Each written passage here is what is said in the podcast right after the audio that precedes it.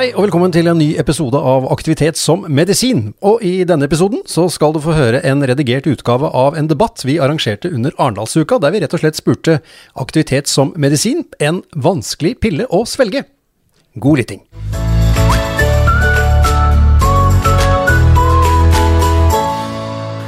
Ja, god ettermiddag alle sammen, og velkommen til uh, Samfunnsteltet her i Arendal. Det er tjokkfullt. Uh, og nå kunne jeg sagt noe morsomt at jeg vet jo at det er fastlegekrise her, og det er to leger i salen her.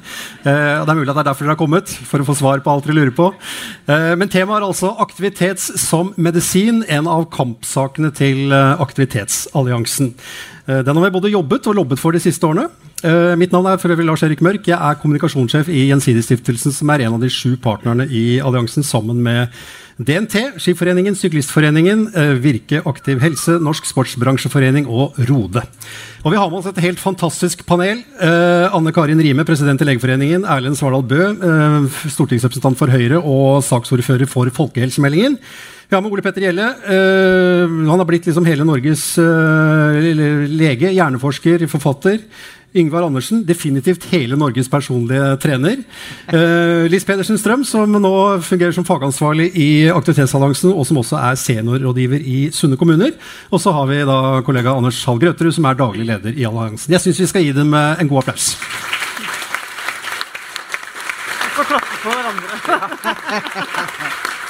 Det bygger alltid litt selvtillit sånn når man skal dra i gang en sånn uke som dette er i år.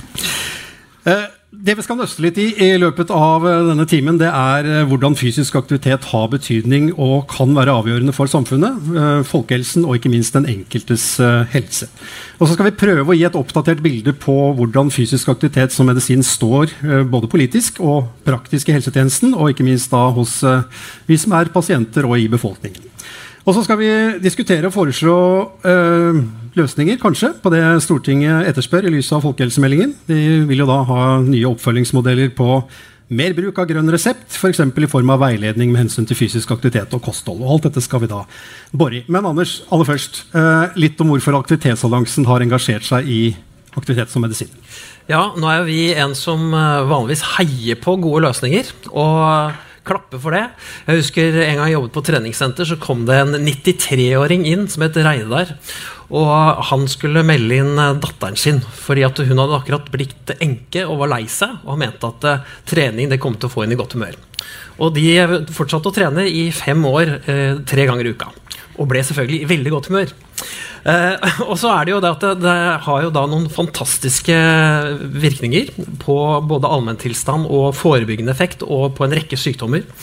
Og vi har i alliansen, selv om vi heier og prøver å unngå pekefingeren, så undret vi oss litt da at når vi sitter oss uh, syke Eh, og bare en tredjedel møter anbefalingene om 150 minutter bevegelse i uka. Så hvorfor bruker vi ikke da eh, fysisk aktivitet som medisin i, i, i større grad? Eh, og det, vi har noen tall som er interessante. og det er jo at Fire av fem i det rommet her møter fastlegen sin en gang i året. Og fastlegen hører vi på. 60% sier at de vil gjøre som fastlegen sier sammenlignet med 6% som eh, en kampanje sier. Så det er så ti ganger flere som hører på hva legen sier. Og så sier også ni av ti at de gjerne ville ha valgt fysisk aktivitet som medisin hvis de kunne velge det framfor medikamenter. Og det er jo så gode tall at da tenker jeg liksom Hva skal egentlig til og Vi har engasjert oss i dette siden 2016. og bare For å ta noen raske overskrifter Det vi har opplevd at, eller der skoen trykker, det handler om kunnskap hos legen og helsepersonell. Mm. Det handler om verktøy eh, og, og til å faktisk eh, dosere medisinen. Eh, herunder takster og motivasjon til å bruke tid i møte med pasienten på dette med veiledet fysisk aktivitet. Og så noe av det aller viktigste oversikt over hvor du skal henvise pasienten. Hvor skal du eh, dra for å få vært fysisk aktiv på en måte som passer akkurat deg og dine utfordringer? Skal vi ta runden? En liten sånn innledning om uh, de respektives forhold til aktivitetsmedisin. Ole Petter, uh, tidligere fastlege. Du da, ble jo da kjent som, som treningslegen fra, fra Åsgårdstrand som tok med seg pasientene sine på trening. Ja, jeg mener jo at trening som medisin det er jo virkelig den glemte medisinen i, i, helsevesenet vårt. I dag så vet vi veldig godt, det er godt dokumentert, at det å være i regelmessig bevegelse det er noe av det viktigste vi kan gjøre for å forebygge sykdom, leve lenge, holde oss friske, men også viktig for å behandle. Eh, og Likevel så bruker vi det nesten ikke i praksis i helsevesenet. Altså, vi har jo mer et sykevesen enn et helsevesen i Norge. 97% av alle helsekronene våre går til å behandle og reparere, og 3 til forebygging, selv om det er mye mer effektivt. Uh, og Som fastlege så kan jo jeg henvise mine pasienter til all mulig helsehjelp med refusjon fra trygden. Jeg kan henvise til en øre-nese-halslege, til en psykiater, til en hudlege. Hvorfor skal jeg ikke kunne henvise mine pasienter til veiledet fysisk aktivitet? Det vil ha mye større virkning på folkehelsa. Mm. Uh, Anders kom hjem fra en høring i Bergen i forbindelse med folkehelsemeldingen. og så sa han, hun Presidenten i Legeforeningen hun snakket i fem minutter bare om fysisk aktivitet! Så det var deg, Anne Karin. Uh, og han, han, ble så begeistret, for at endelig så, så tenker han nå, nå får aktivitet som medisin gjennomslag hos hele legestanden.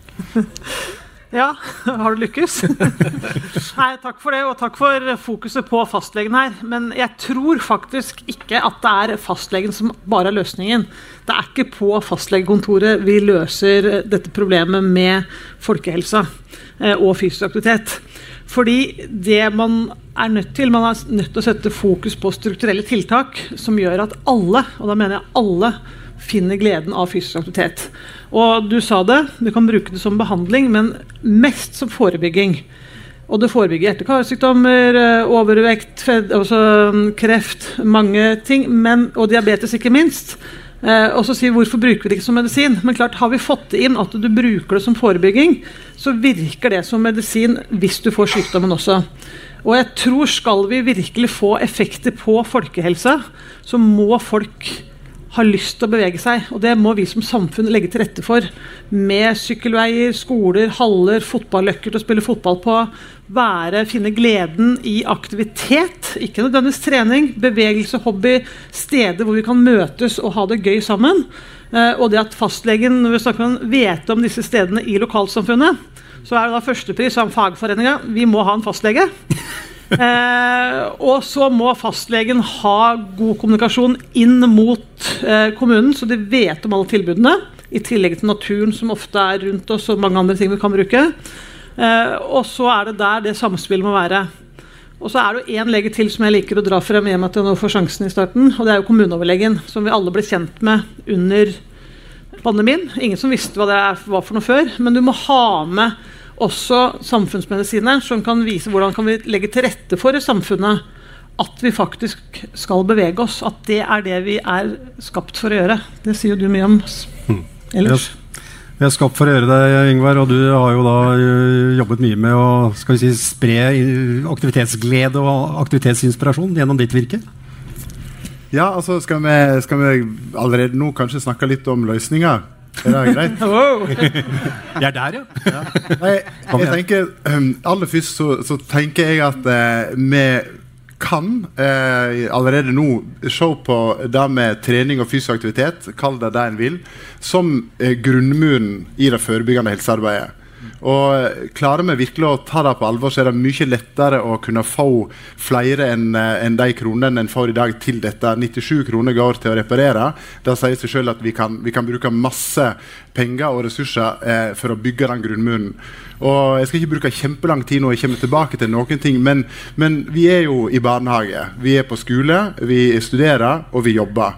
Eh, der vi er, eh, der må vi få det vi trenger.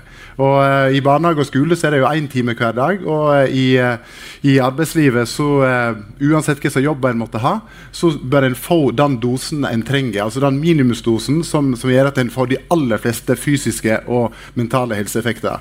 det vil sannsynligvis være rett og, lett å regne hjem. ligger et lite stykke fram i tid. og så tenker jeg òg at noe av løsningen når en først er hos legen, den ligger mener jeg, på fastlegekontoret. For der må det jo være et team.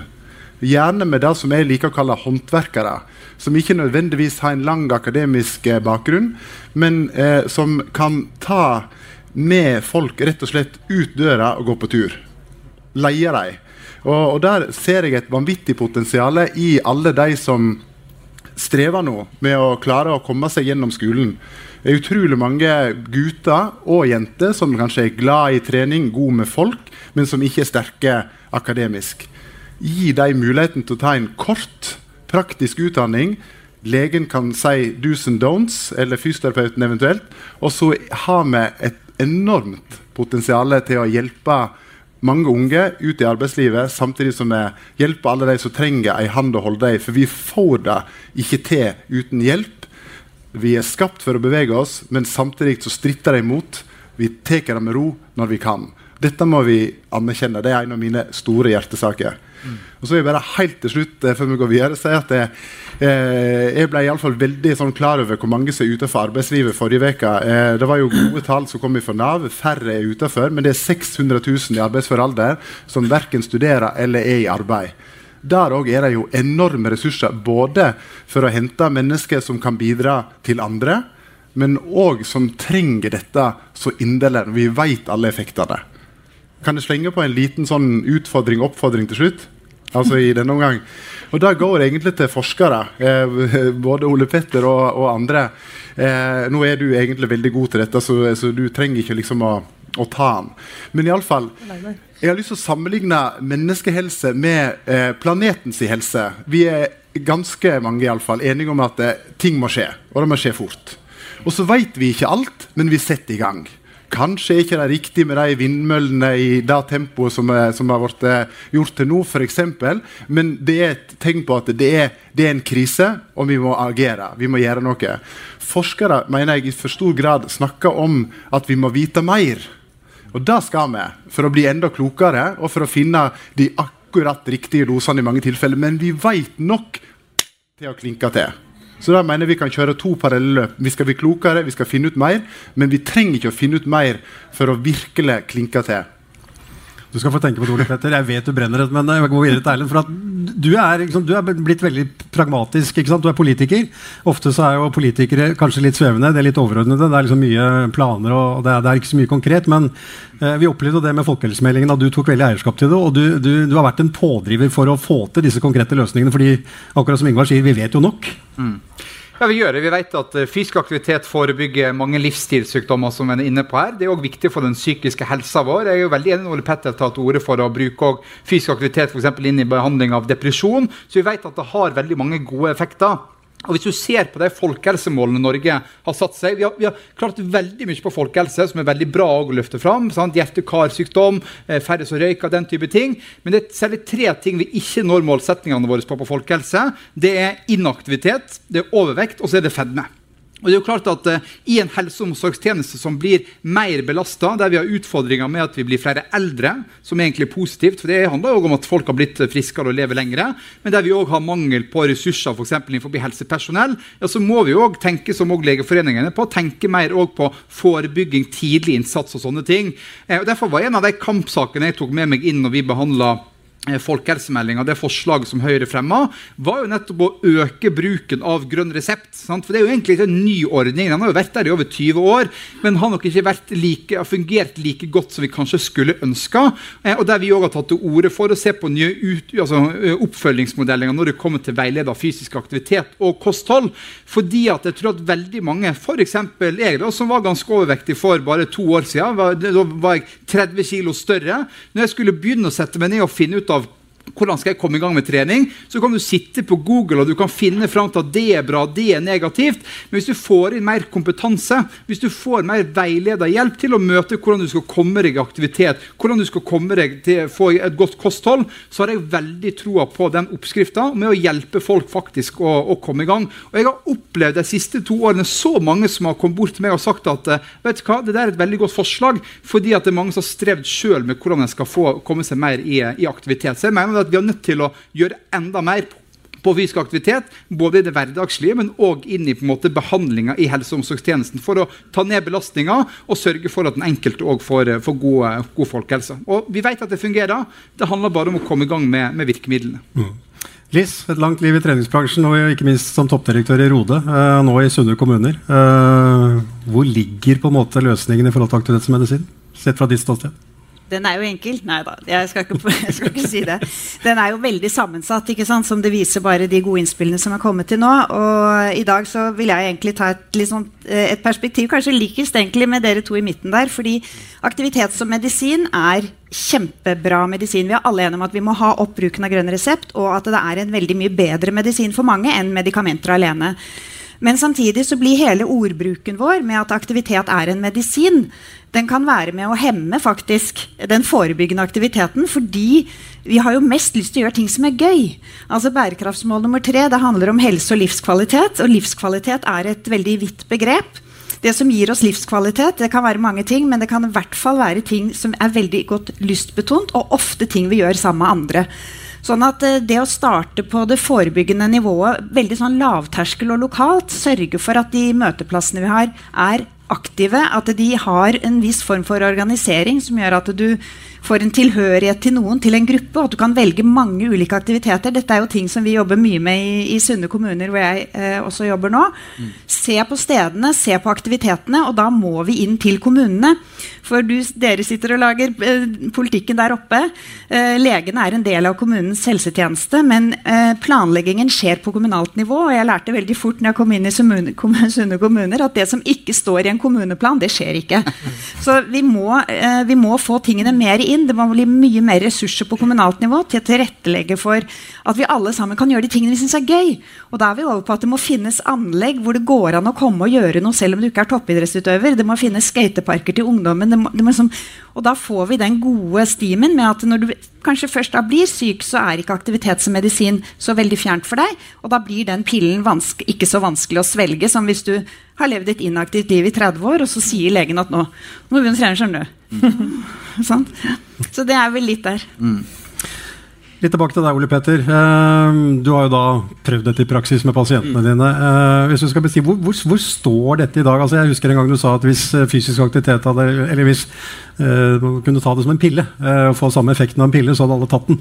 Men, men, men, hvorfor er, tror du det er en sånn barriere både i systemet, men også blant pasienter i å si, akseptere aktivitet som medisin? Ja, du, og det skal jeg svare på. Jeg har aller først lyst til å bare kommentere noe min president uh, sa her. Og jeg er jo helt enig med henne at noe av det viktigste vi gjør for å få flere mennesker i aktivitet, det skjer på samfunnsnivå. Vi må legge forholdene til rette, så det er litt lettere å ta de gode valgene som alle egentlig vet om. Bevege seg litt mer i hverdagen, trygge skoleveier, sykkelstier, ikke bare parkeringshus, grønne lunger, mer fysisk aktivitet i skolen.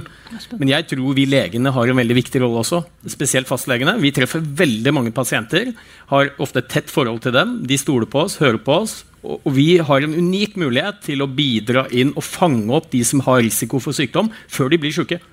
For eksempel, men da, må, da, er det noen ting som mangler. Vi gjorde en forskningsstudie for noen år siden hvor vi så at uh, ca. 85% av inaktive pasienter på et fastlegekontor de ønsker å bevege seg mer og forventer å få hjelp av fastlegen sin.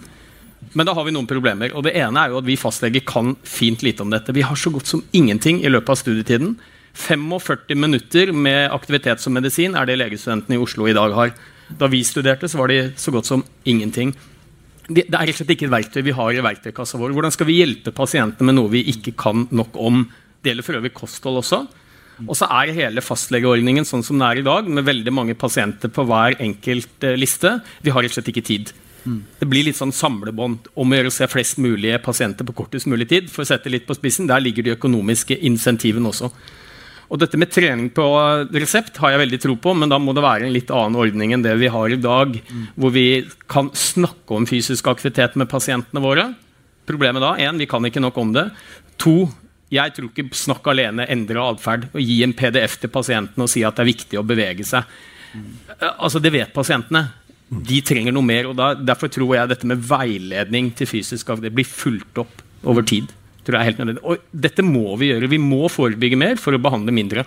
Ellers så kneler hele velferdssamfunnet. Så jeg tror legene har en viktig rolle inn i dette. Mm. Men hvem skal vi peke på, da? Det er jo alltid sånn uh, interessant å leke pekeleken i hvem som har ansvaret. Altså, er det, er det, Nei, det er politikerne, Det er politikerne som har ansvaret, ja. Men, men, men hvis jeg kommer til deg, pasient med høyt blodtrykk Jeg kommer til å ha høyt blodtrykk etter for her er det ganske varmt etter hvert. Jeg vet ikke om dere merker det, dere òg. Erlend er den eneste som har Jan Kred for antrekket. Han har i hvert fall tatt på seg noe som matcher det som vi snakker om. Men hvis jeg kommer til deg med, med høyt blodtrykk, Ole Petter, og så forventer jeg på en måte egentlig bare å få noe på en, en pilleske, eh, og så sier du i stedet nei, men du må begynne å trene. Du må begynne med, å gå i bakker. Intervalltrening. Eh, er, pasientene mottagelige for, for, for et sånt budskap? Det er jo både, men det er jo selvfølgelig ikke sånn at det er enten-eller. Jeg jeg mener jo på ingen som helst måte at vi ikke skal bruke medisiner. De er kjempeviktige. Men vi har noen alternativer også som vi kanskje bør prøve først. Og der er ikke vi legene gode nok. Vi tyr til den resept, det er jo ikke reseptblokk lenger, da, men E-resepten ganske kjapt. Og det er flere grunner til det. Det ene er at det, det er det vi kan. Det er en legemiddelindustri som jobber eh, veldig iherdig for å få oss legene gi oss masse kunnskap om legemidler. Vi kan veldig mye mer om legemidler enn vi kan om aktivitets- og medisin. Og så er det jo veldig kjapt å skrive en resept. da. Og, og da opplever nok mange pasienter at det var en handlekraftig lege. Her kommer jeg med en utfordring, jeg får en behandling med en gang. Så kan du velge isteden å begynne å snakke om viktigheten av å bevege, be, bevege seg. Det vet pasienten fra før. Mange har litt dårlig samvittighet. Da må du ha god tid. Og det har vi ikke. Så vi mangler kunnskap, vi mangler tid. og Jeg tror hele fastlegeordningen må få en litt annen form hvis vi skal begynne å forebygge mer. Altså Hele fastlegeordningen er skreddersydd for reparasjon. Og legestudiet også. Anne Karin, eh, jeg vet at du som, som president i Legeforeningen du liksom står litt i skvis for at det er utrolig mange hensyn og mange interesser du skal ivareta. Eh, hvordan skal vi få aktivitets- og medisin til å passe inn i det, eller på en måte at, det skal få nok plass da, i forhold til fastlegekrise, til forhold til eh, ja, altså ansettelser osv., rammevilkår osv.? Du må gjøre som meg, gå på idrettshøyskolen før du studerer medisin. Nei, men fra spøk til alvor. eh, Du sa det at vi har allerede én time fysisk aktivitet i skolen. Det har vi ikke. Vi har et stortingsvedtak fra 2017 på at vi skal ha det. Og der har vi sammen med Gerti, fysioterapeutene og flere av dere jobber for at vi fortsatt skal få inn én time fysisk aktivitet i skolen. Sånn at, som du også sier, at alle lærer seg at fysisk aktivitet er noe gøy og viktig og en naturlig del av livet. Eh, og så er ikke legene generelt noe for at du skal ha en ny pille til alt. Jeg tror ikke det er løsningen eh, for det, men vi vet hvor vanskelig det er med gode vaner. Eh, og der blir jo, som eh, Lissa kan det her med strukturelle tiltak, det å legge til rette for at du skal ønske å bevege deg til skolen, at du skal ønske å gå ut og spille fotball, du skal konkurrere mot PlayStation, mot alle de stillesittende tingene. Eh, og da nytter det ikke når du blir syk, men at legen har et viktig eh, perspektiv på det, tror jeg. Og det er at du skal ha tillit til meg. ikke sant? Når du kommer og jeg sier det her, så spør jeg hva Ole Petter, hva er det du kan tenke å gjøre deg? For du, vi trenger å bevege deg mer. Det gjør at blodtrykket går ned. Eh, og så hjelper det ikke om jeg kommer med noen pekefinger og eh, om legen har nok kunnskap. Vi har i hvert fall når vi, lederen for Norsk, allmennlegefor- Norsk forening for allmedisin her. Vi har emnekurs eh, i etterutdanningen.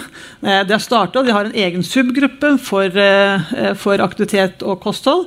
Så at her jobber man med det. Og når det gjelder studietiden, som du sier, så er det veldig mye som skal inn. Og det ser vi på de unge legene i dag. Det er utrolig mye du skal kunne, og vi ønsker oss generalister. Altså du skal kunne litt om alle tingene her. Og så skal du likevel være spesialist. Men at trening i befolkningen og det samme som forebygger, virker som medisin, det gjør det jo. Og det vet vi. Vi må bare finne ut hvordan vi sammen kan få alle til å bevege seg bitte litt mer. For det, det er som jeg har sagt før i dag. Alt hjelper. Vi må ikke ha et sånn tilbud. Alt, Gå på butikken, bær hjem, eh, sykle til naboen, Jobb i hagen. Jobb i hagen. Og vær fornøyd med deg sjøl. For det, nå har vi snakka mye om fysisk helse, men det er jo like mye for den psykiske helsen. Beveg oss, ha det, vær fornøyd med det du gjør. Så får du litt endorfin. Har du trent fem minutter? Fint. Vær fornøyd med det. Ikke si at 'søren, jeg klarte ikke en halvtime i dag'. Det kan du bygge det opp til. og Det, det er den hele sammenhengen som vi er nødt til å ta for alvor.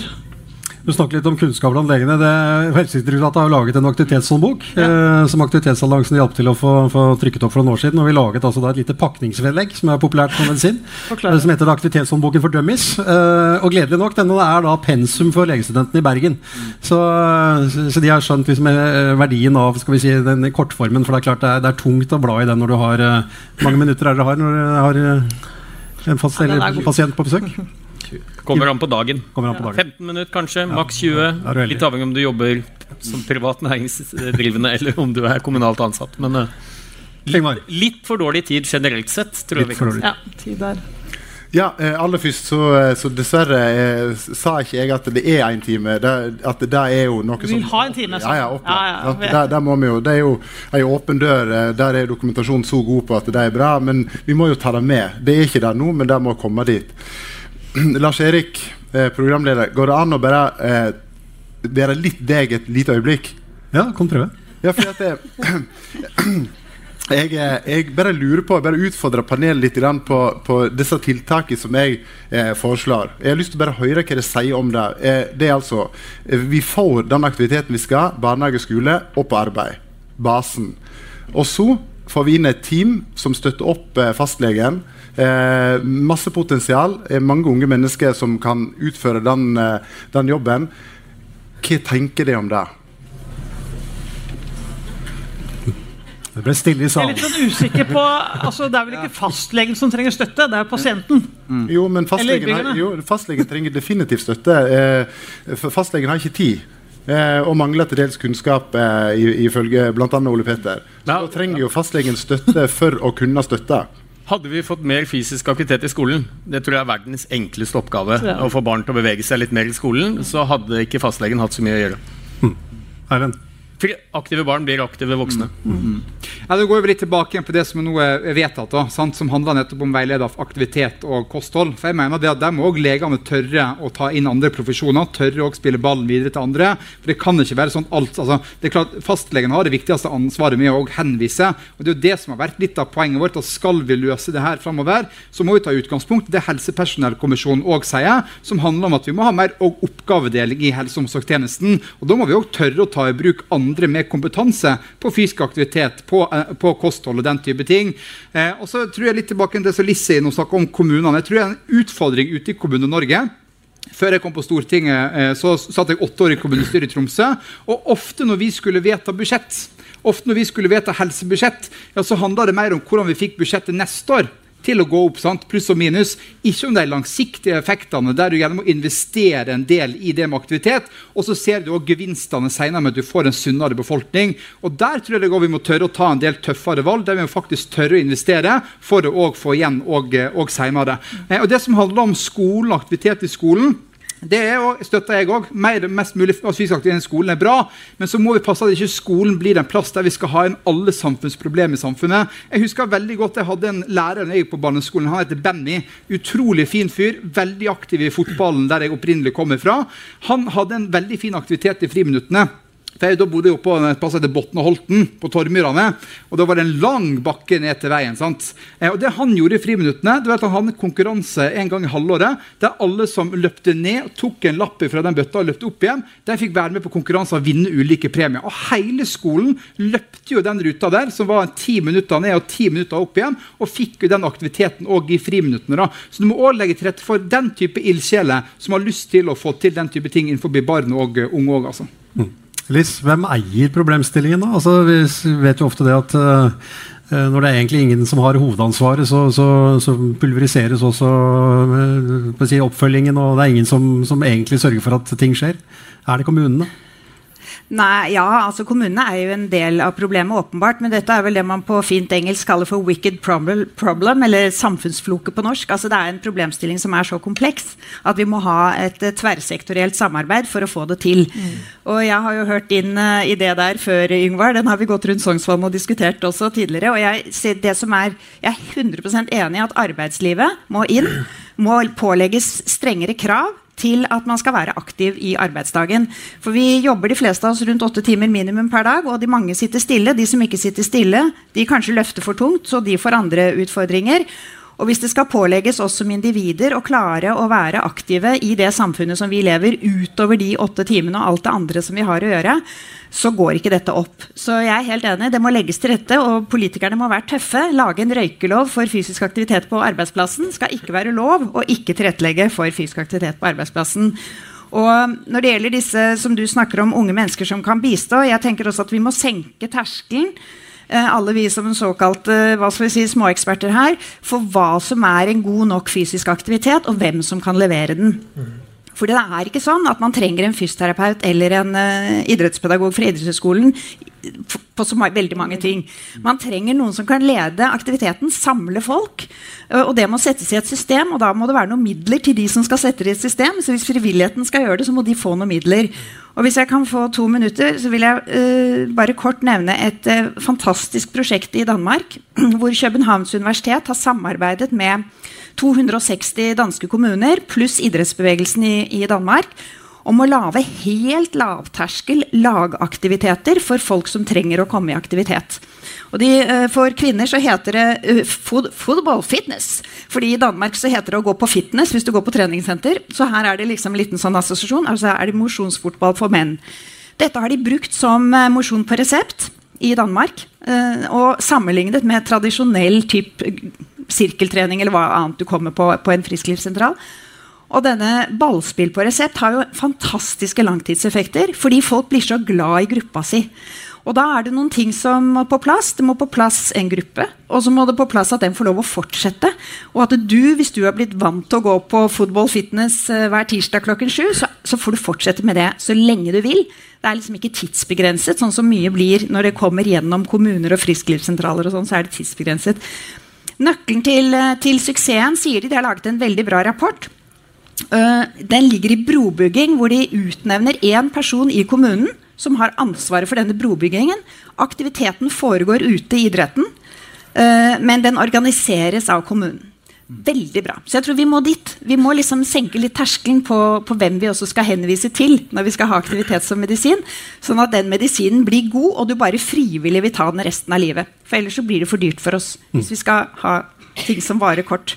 Både lav terskel og strengt lovverk. Erlend, jeg vet ikke hva du, hva du, hadde lyst til å kommentere? Nei, altså Det med arbeidslivet er jo helt enig i. Det ja. må en òg legge til rette. og Det står òg i arbeidsmiljøloven klart og tydelig i dag i forbindelse med HMS-arbeidet at du skal òg utrede fysisk aktivitet som et alternativ på arbeidsplassen.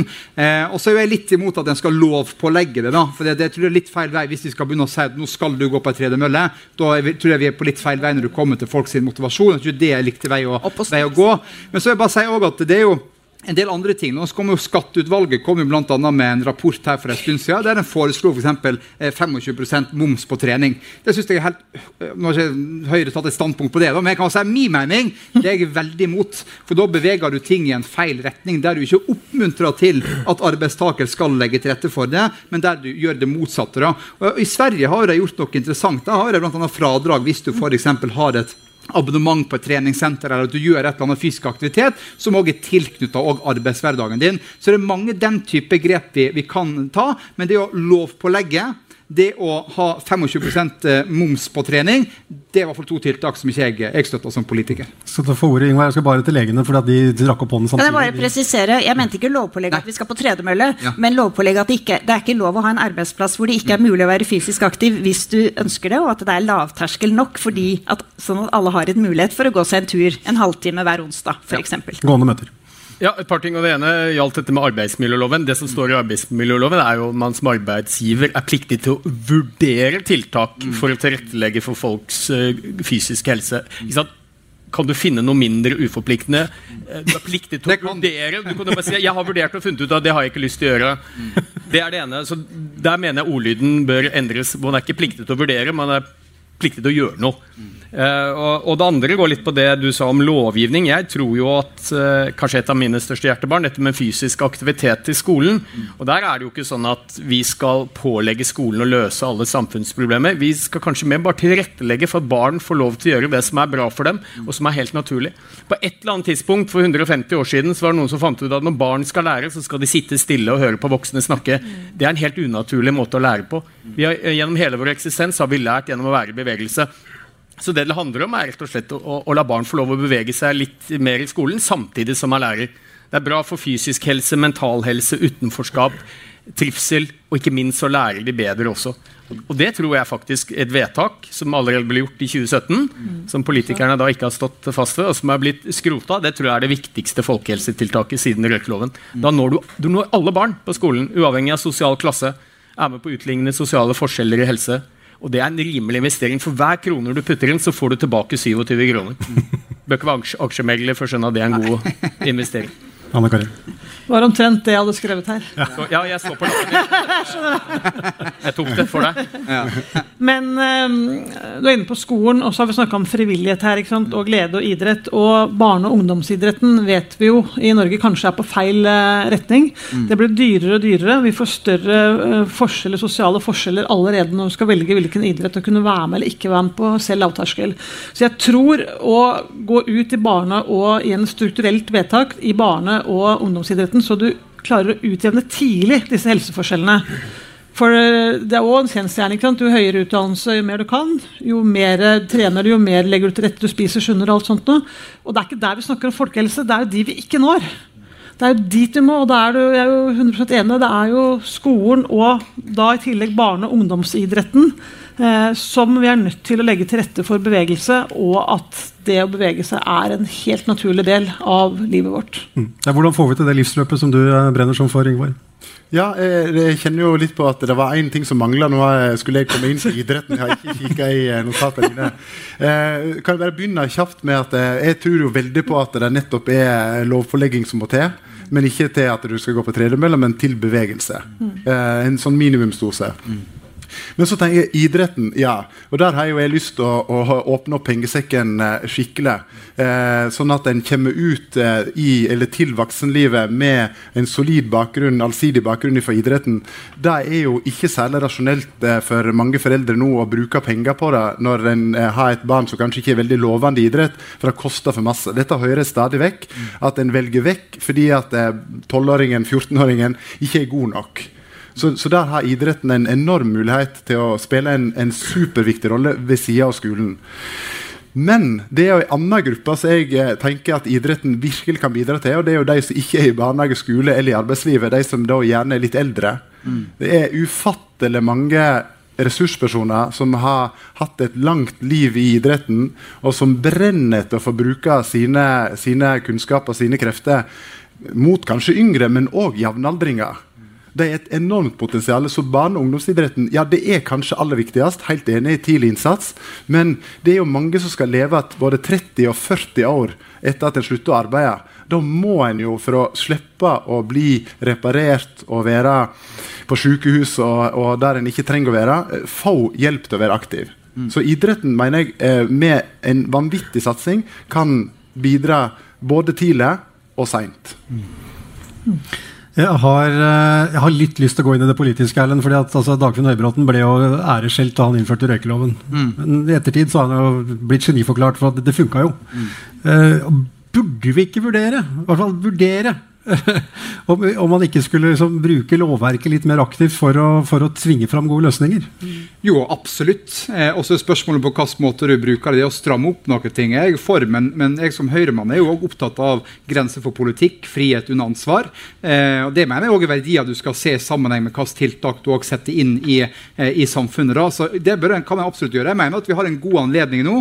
Det vedtaket som er gjort i, i Stortinget nå, på det som går nettopp på å øke bruken av grønn resept, det å få mer veileder fysisk aktivitet og kosthold, det er en gyllen anledning til å se nettopp på hvordan vi kan gjøre endringer òg i årene fremover. Og der er jo min eh, klare oppfordring til alle som engasjerer seg for det her. Legeforeninga, Sunne kommuner, Aktivitetsalliansen, hvem det skulle være. Og komme med innspill til hvordan den modellen skal se ut. Eh, og Det har vi tenkt å ta et initiativ til på Stortinget allerede nå i høst. Og invitere til det samme møtet som vi egentlig gjorde i, i fjor. Da hadde vi invitert vi til et møte for å diskutere grønn resept. Og så fremma vi forslaget, så fikk vi gjennomslag for det. Men nå er jeg litt mer opptatt av å se hvilken retning og hvordan det her skal være innretta på, på en god måte. For vi er nødt til å ta grep. og det er jo alle her enige om når vi ser at folkehelseutfordringene går feil vei på de tre områdene. Når vi ser at vi får en mer belastning på helse- og omsorgstjenesten. Du snakker òg om eldre. I dag er vi 240 000 mennesker over 80 år. Om 27 år så vil det være- det være 720 000 mennesker.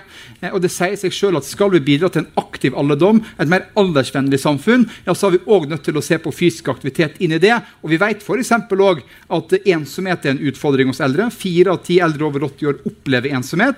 Og Der vil jo òg fysisk aktivitet kunne være en møteplass også for veldig mange. For å som sagt, ta ned andre som vi snakker om med psykisk, psykisk helse. òg. Så ja, vi kan godt bruke regelverket litt mer, men jeg vil ikke at det enkle svaret skal at nå skal vi lovpålegge ting, nå skal vi regulere ting. Vi må òg tørre å diskutere andre virkemidler. Men det handler mest om de verdiene jeg er opptatt av, som er grenser for politikk og, og frihet under ansvar, som jeg mener er viktig å ta inn i en sånn, sånn diskusjon.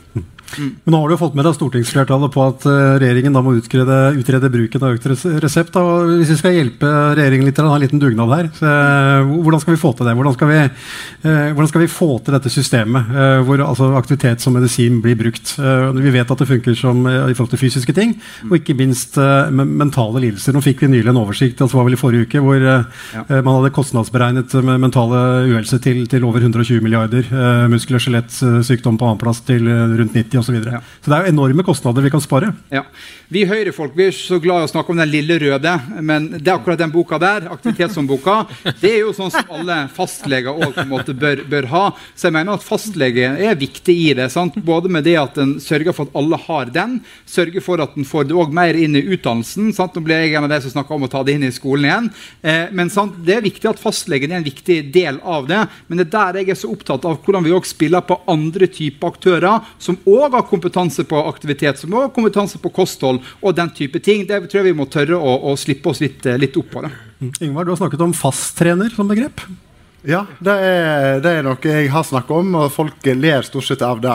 Eh, så da lot jeg være å bruke det begrepet i dag og kalle det noe annet. Men, eh, men, jeg tenker jo at, eh, at, for meg er det ramme alvor. Det handler jo selvsagt ikke om at eh, jeg og du skal få en eh, trener for å hjelpe oss å springe under 40 minutter på 10 km, men når en da virkelig trenger det, eh, så, så, ser jeg ingen grunn til at det ikke da skal være en realitet en gang i framtiden. Men om det er et team eller om det er en person, akkurat den løsningen uh, har ikke jeg kommet fram til. Men, uh, men, jeg, men, jeg, tror at det, det, handler om å ta dette på alvor. Og så hadde jeg bare lyst til å bare si i forhold til ditt grunnsyn, da, som jeg respekterer veldig, så er det greit å ta med akkurat når det gjelder dette, at det, så å si alle vil. Så, så, dette er vanskelig å få til. Veldig mange får ikke det til, men alle vil egentlig få det til. Da kan det gjøre det lettere å, å stå på en måte i den, i, den, i den, posisjonen du er, og samtidig bruke litt mer muskler her. Mm. Ja. Anders, du har notert flittig. Litt, uh, noen refleksjoner uh, da vi har passert 40 minutter og 10 km, hvis vi skal ja, bruke målet til Yngvar. Nei, jeg, jeg, jeg, støtter jo det at vi må få til strukturelle endringer. Vi har mange piloter og mange ildsjelshistorier og hvordan dette her kan løses på en fantastisk bra måte, men vi må omsette det til mer strukturelle endringer. Og så tenker jeg litt på det som Ole Petter uh, sier, og som Anka også var innom, at når man har 15-20 minutter i, eh, i møte med, med, pasienten sin, så er det trygghet det er et stikkord. Det er trygghet for begge to. Eh, legen må være trygg på at man kan sende pasienten til et rett sted, hvor man ikke bare får riktig behandling i form av fysisk aktivitet, men hvor man også blir tatt i, imot på en trygg måte. Mange syns det er eh, ekkelt f.eks. å gå på et treningssenter hvis du aldri har vært der før. Uh, trenger hjelp til å komme over den eh, dørstokken og få en, et godt første møte der. Uh, og så tror jeg litt på det som ble sagt her også, at det trenger ikke å være avansert. Man trenger ikke å henvise til uh, fysioterapeut f.eks. Det kan like gjerne være ti ganger nærtur med, i regi av DNT, som er akkurat det du trenger. Eller få noen uker på en frisklivssentral for å prøve forskjellige ting og se hva som kan funke for deg. Den type ting. Men vi må ha mer ordnede former på det. Mm. Og så tror jeg at så lenge legestanden ikke får ut fingeren og får, ut mer, får inn mer uh, utdanning i aktivitets- og medisin på, på, studieplanen, så får man heller bruke de som kan noe om dette, mer. Og da har vi en ganske undervurdert gruppe som kommer fra idrettshøyskolen, som er helse- og treningsfysiologer, som er noen av de som kan mest om dette i, gjennom sin utdanning. Så de burde bli, bli brukt mer. Og så tenker jeg at uh, Å gå fra 45 minutter til f.eks. tre timer i løpet av seks år på, på legestudiet med aktivitetsmedisin, det kan være kanskje innenfor rekkevidde. Og det er akkurat det som uh, medisinstudentene har ønska seg. En sånn pakke på, på, tre timer hvor de kan få lært seg den aktivitetshåndboken. Og til de av dere som har lyst til å belære legen deres om den, og laste ned den der, Kan ikke du holde opp den, Lars Erik? Den aktivitetsboken aktivitetshåndboken for dummies, så er den bare å laste ned fra aktivitetsannonsen.no. Har noen X her som kan ta med dere når dere går. Eh, Men Ole Petter, du underviser jo dette her. Hva, hva sier studentene? da? Vil de ha mer, eller syns de det er nok med 45 minutter? Nei, studentene vil jo veldig gjerne ha mer, selvfølgelig. Men jeg, jeg ser jo også utfordringen, fordi alle områder innenfor medisin har vært en eksplosjon i kunnskapsnivå. Og, og alle profesjoner innenfor lege, ikke sånn, kirurger og indremedisiner, og alle vil ha mer av sitt. Så jeg skjønner jo at det er vanskelig, men dette tenker jeg er et så stort folkehelseproblem. At, og, jeg mener jo virkelig det. altså Vi har 140 timer om farmakologi, eh, læring om legemidler, i løpet av seks år. Og så har vi 45 minutter om aktivitet som medisin. Og aktivitet som medisin er like viktig som legemidler. Legene bør kunne like mye om det som legemidler. Og så har jeg lyst til å si en ting, for Du spurte så hvordan kan vi få en ny eh, grønn reseptordning til å funke. Så tror jeg noe av det viktigste er at det er mer enn bare prat fra oss legene. Vi forteller pasientene noe de allerede vet. Hvor viktig det er å bevege seg og spise sunt. De aller fleste trenger litt hjelp og veiledning. Og at vi da, vi legene, klarer å gi litt slipp. eh, For dette har kanskje ikke vi verken tid eller kompetanse til å følge opp, men at vi henviser videre. Og det kan godt da må vi bruke alle de ressursene vi har i samfunnet. Og det kan godt være ganske lavterskel. Det kan gjerne være kommunalt til en frisklivssentral.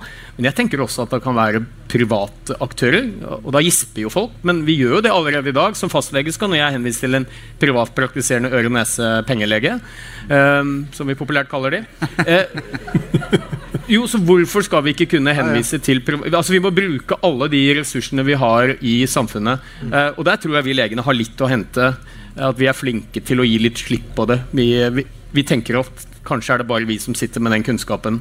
Men det er mange andre som kan mer enn oss. Eh, samtidig så må vi være trygge på at de vi henviser til, har riktig kompetanse. Anne Karin, jeg syns du hadde en sånn fint oversiktsbilde da du innledet i dag med, med å liksom peke på de ulike tingene som, som faktisk spiller, spiller med her. Eh, Hvor, hvor begynner vi? Altså, hva- er liksom den lavthengende frukten i, eh, i denne problemstillingen? Det er flere- sånn, nå snakker du litt mot hverandre at legene ikke har kunnskapen, og at legene har kunnskapen til å sende videre. Men jeg tror det viktigste Det er ikke lege, det er ikke fastlegen som er det viktigste stedet på dette her. Legene skal kunne mye om fysioterapeut. Vi er høyt utdanna. Om du ikke har det på studiet, tror jeg de fleste leger vet og kan mye om både kosthold og eh, aktivitet. Det du eh, kommer til når det er henvisning, så snakker vi egentlig om hvor pengene skal gå hen. Og det er en helt annen debatt. Skal man få betalt? Skal man ta fra helsebudsjettet og gi til private aktører? Eh, er det andre som skal ha krav på å komme inn? Skal du ikke bruke fysioterapeut med noen andre? sånn at det, det er en helt annen debatt. Eh, og jeg tror ikke legene, i hvert fall ikke sånn som jeg kjenner de jeg jobber med sånn, Jeg kjenner jo ikke alle legene. De er ikke redde for å henvise videre.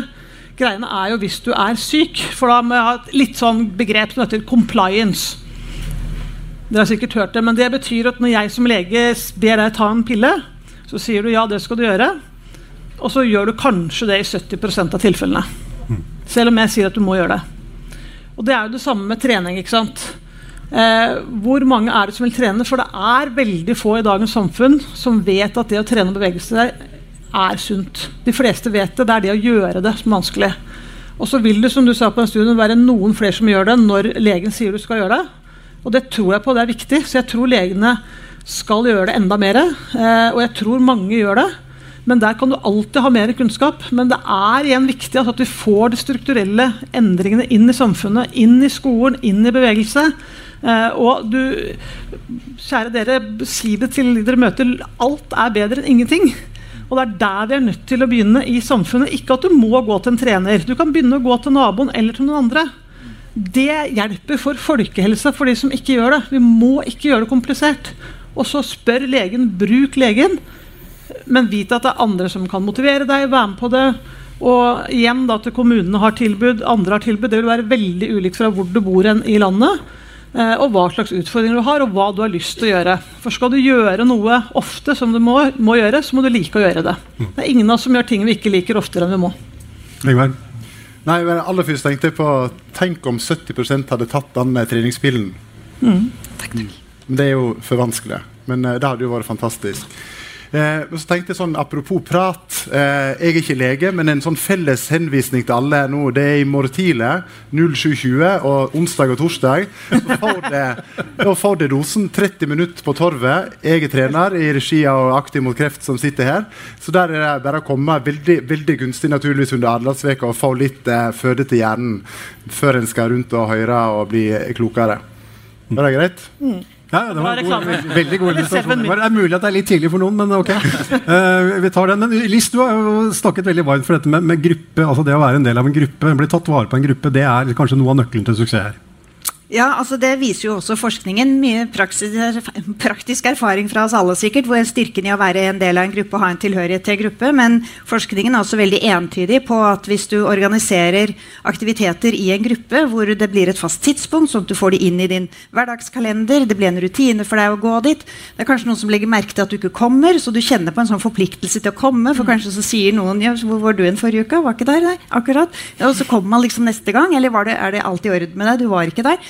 Så, så det med å organisere grupper det viser både forskning og praksis at det gir en, det gir en pille som er lett å svelge. Da, for å si det sånn. Da blir det sannasol og ikke tran for veldig veldig mange. Eh, det fins absolutt mange som liker å løpe i skogen alene, men, men det er nok blant den lille 25-30 som oppfyller kravene allerede i stor grad. Da. Men, men jeg vil nemlig bare avslutningsvis da uh, slå et slag for kommunen igjen. Og jeg tror um, det er ikke bare kanskje en del leger som trenger opplæring i betydningen av fysisk aktivitet og sunne levevaner. Det er jo også ganske mange politikere, tror jeg, Ellen, som ikke er fullt klar over det. Og i sunne kommuner så jobber vi mye med politikeropplæring i folkehelsearbeid. Altså hva er folkehelsearbeid?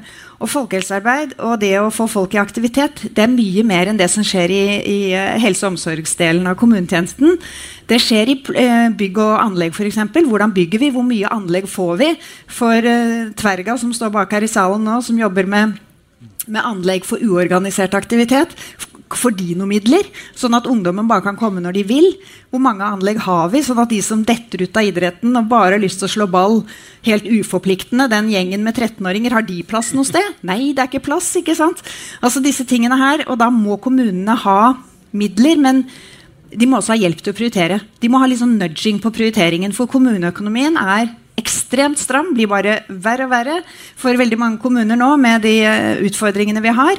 Og det da å, å skulle få, prioritere det som kanskje gir en økonomisk eh, og en helsemessig gevinst om hva vet vi, fem-ti år, den er litt tøff. Så jeg tror vi må være flinkere til å jobbe med bevisstgjøring på kommunenivå, men ikke minst så må de rett og slett få noe verktøy i kassa si. For det er eh, mye flinke folk rundt i administrasjonen i kommunene, men de møter litt veggen i den politiske prioriteringen. Så, sånn er det. Anne Karin? Mhm. Nei, eh, bare for Vi var i en debatt før i dag, eh, og det står skolebygg over hele landet tomme fra klokka tre-fire. Eh, og det å kunne ta i bruk de gymsalene, de arealene, som er kommunale, det er kjempegøy. Eh, som du sier, For de som ikke vil bli toppidrettsutøvere fra de er 14, eller vi på snart 60 som elsker å spille ball fortsatt. Eh, ikke sant? Det er å ha det gøy, og det å kunne bruke det vi allerede har av arenaer, i tillegg til å bygge nye, det tror jeg er kjempeviktig. Godt poeng. Eh, vi har et fantastisk panel her. Jeg har lyst til å utfordre salen. Jeg. For dere har sittet så stille. Så hvis det er noen som brenner inne med spørsmål, så, er det mye klokskap her oppe. Og sikkert her nede også. Men har dere spørsmål? Der var det en. Skal vi se. Det var Anders, flott å være litt mikrofon. eh. Ja, det er Gerti Lund, Norsk Fysioterapeutforbund. Eh, Jeg savner litt i diskusjonen dette med videregående skole, og spesielt yrkesfag. Eh, Der er det folk som skal ut i tunge yrker. Elektrikere, frisører. To timer kroppsøvning i uka. Halvparten er teori. To år stillesittende før de går ut i læra. Hva har skjedd med kroppen i mellomtiden, og hvordan går det med de i yrkeslivet etterpå? Det lukter sykemelding. Ja. Er det noen som har lyst til å svare på det? Jeg vet ikke. Erlend, er, er det dette politisk landskap, eller er det det er veldig godt eh, relevant. Det er jo ingen tvil om at det er mange som får yrkesskader, og som kanskje ikke får like god individuell oppfølging etterpå. Da. Jeg har mange av mine familier som jobber i, i helse- og omsorgssektoren, eh, som har fått pådra seg skader og sånne ting, som egentlig kunne fortsatt ha vært i eh, arbeid og hatt en eh, restarbeidsevne, men som blir uføre fordi at en ikke får den, kanskje den oppfølginga som en har, har behov for. Da. Så jeg er veldig enig i den, den problemstillinga som, som tas opp der. altså. Ja, eh, og det er jo en, eh, en stor utfordring. Det aller største frafallet når det gjelder fysisk aktivitet, det kommer jo akkurat i den aldersgruppen der. Eh, og heldigvis så gjøres det noe. Jeg har bare lyst til å nevne et prosjekt som heter Røreprosjektet i regi av Viken fylkeskommune, hvor man nå putter inn litt mer bevegelse inn i videregående skole. Og kanskje spesielt på de som har yrkesfag. Uh, og Jeg har jobbet som fastlege veldig mange år, og jeg treffer jo en del pasienter som har fysisk aktivt arbeid, sånn som håndverkere f.eks. har. Og de sier til meg ja, men jeg er så aktiv i hverdagen min, så jeg behøver kanskje ikke å bevege meg noe særlig utenom. Mm. Men det er jo kanskje de som jobber med mye monotone bevegelser, står halve dagen med hendene over huet. altså De trenger jo bevegelse utenom, styrke, mye mer faktisk enn de som, eller vel så mye som de som sitter stille på en stol. Mm. Så, så, der har vi mye å hente. Kan vi ta et uh, spørsmål til? Ja. Um, jeg har jo hørt på dette her og har min bakgrunn. Der er jeg tre år fra idrettshøyskolen. Men til tross for det har en kropp og eh, en, et hode som i perioder ikke har funka. Um, ehm, og har nå representerer Fontenehuset her nede, mm. uh, som er et lavterskeltilbud. Mm. Og jeg tenker her at dere har et ledd som vi har, som dere ikke har snakka om. Og det at vi faktisk leier våre medlemmer eller sammen medarbeider eller medlem-medlem vi hjelper hverandre, leier hverandre til å treffe de riktige personene. Mm. Til å komme til det riktige stedet. Mm. Til å støtte dem i å ikke kjenne at den dørterskelen blir så stor at her tør ikke jeg gå alene. Men jeg trenger noen som er med meg. Mm. Og når de da blir trygg, så kan de begynne å gå alene. Mm. Og begynner å kjenne noen, så fortsetter de med det. Og så får du en dobbel vinning, spør du meg. Mm. Takk. Mm. Vet ikke, Er det noen som har uh, lyst til å kommentere det før vi går til neste spørsmål? Jeg er helt, helt, enig. og det er jo litt av det som er poenget, at Mange trenger også litt den støtten og den veiledninga i livet. Si, Fontenehuset gjør jo en fantastisk jobb med det som handler om psykisk helse og arbeidsfellesskap. og, og sånne ting. Eh, og Det skal vi ikke undervurdere, den viktigheten for et enkeltmenneske å faktisk få den veiledningshjelpa òg. At du trenger litt den pushen og noen som holder deg litt i handa. Mm. Ja, goddag. Jeg er psykologspecialist, og så jobber jeg på Sørlandets rehabiliteringscenter. Øh, det jeg lyder litt på, det var jeg så jo tidligere i dag, den statistikken, det var at Norge faktisk er en av de land som har den verste utvikling i forhold til fedme i befolkningen i de skandinaviske lande. Og det var jo en ting som jeg undrer meg veldig på. Øh, er det noen som har noen tanker om hvorfor det er? Hvem har lyst? Det er Mange tanker om ja, det, kanskje. Men uh, jeg vet i hvert fall at vi, det korrelerer vel litt med den statistikken for uh, å bruke aktiv transport. Altså, vi er jo et land hvor uh, det kan være en hypotese, i hvert fall. Vi er et land hvor det er vanskelig å være i aktiv transport hele året. Danmark, eksempel, som jo er et land med også ganske store folkehelseutfordringer, har i hvert fall en veldig flott infrastruktur for typ sykling i, i hverdagstransport. Det er litt mer krevende i det landet vårt enn det er i, i det flate Danmark. Eh, for innenfor kostholdsdelen, som jeg har jobbet med i veldig mange år, så kan jeg ikke si at jeg, vi ser de helt store forskjellene. men Fedme er vi vel også enige om er ikke et individproblem. Eh, man kan ikke se på det som det. Det er et samfunnsproblem. Det er også et strukturelt problem. de, Da er vi over på en annen debatt. med Dette med skatteveksling. Den usunne maten er eh, sunnere, lettere tilgjengelig mange ganger enn den sunne maten. Det tar tid å lage mat fra altså, Dette er et samfunnsproblem, eh, og fedme må behandles også i større grad som et strukturelt samfunnsproblem enn som et individproblem. Det handler ikke bare om å ta seg sammen og trene mer og spise mindre. Mm. Men hvorfor vi er på den statistikken i Norge, det vet ikke om du, Anne Karin. Nei, det, det, kan jeg ikke svare på. Men det var det her eh, hva er det foredraget het igjen? Hvorfor er det så vanskelig å ta en pille? Eller ja. vanskelig å svelge en pille? Svelge, ja. Ja, eh, og sant, Nå har vi alle lest om de nye slankepillene. Altså, nå skal vi igjen da kunne bare ta en pille. Det er jo det eh, på en måte vi som samfunn har sett på som løsningen hele tiden. Og det at vi kanskje må redusere tempoet litt og forebygge og være fysisk aktive, og ikke bare tenke at jeg kan gjøre som jeg vil, det er ikke så farlig, jeg kan bare ta en pille. Mm. Det, det, er en stor debatt. Og som du sier igjen, det er sukkeravgiften kan, det er mange strukturelle tiltak vi kan gjøre her også mm. eh, for å få folk til å velge sunnere. Mm. Ingvar? Jeg hadde bare lyst til å si i forhold til Fysioterapiforbundet og dette med videregående skole. For nå er jo, de snakker om skolen, så er det jo grunnskolen, og det er jo der det ble forska. Men sånn som jeg ser det, så er det jo minst like naturlig å gi de som er 16-18 eh, denne eh, daglige dosen. Eh, kanskje enda mer, i og med at en ser hvor mange som sliter både med, med psykiske utfordringer, usikkerhet osv. Så, videre. så Så det er, jo, det er jo på en måte Det, det må jo ikke stoppe når en når er 12 eller 16. Det må jo, det må jo være dette tilbudet mener jeg utrolig sterkt, eh, eh, som sikkert en har skjønt i dag, eh, må være der folk er. Eh, de må ikke stoppe noen plass. Det må alltid være der. Eh, og jeg mener at vi, vi, trenger hjelp, og vi trenger fontenehus, og vi trenger alle, men, men det må koordineres. Folk eh, må få hender å holde i. Vi lar det være siste ord. Nå har jeg rett og slett ikke hjerte til å, Nå må dere gå, rett og slett. Altså, I tråd med aktivitet som medisin, ellers så blir dere syke. Eh, men tusen takk for at dere kom. Tusen takk til dere som så på, ikke minst takk til vårt eminente panel. Og helt til slutt, husk at den viktigste aktiviteten, ja, det er den du får gjort.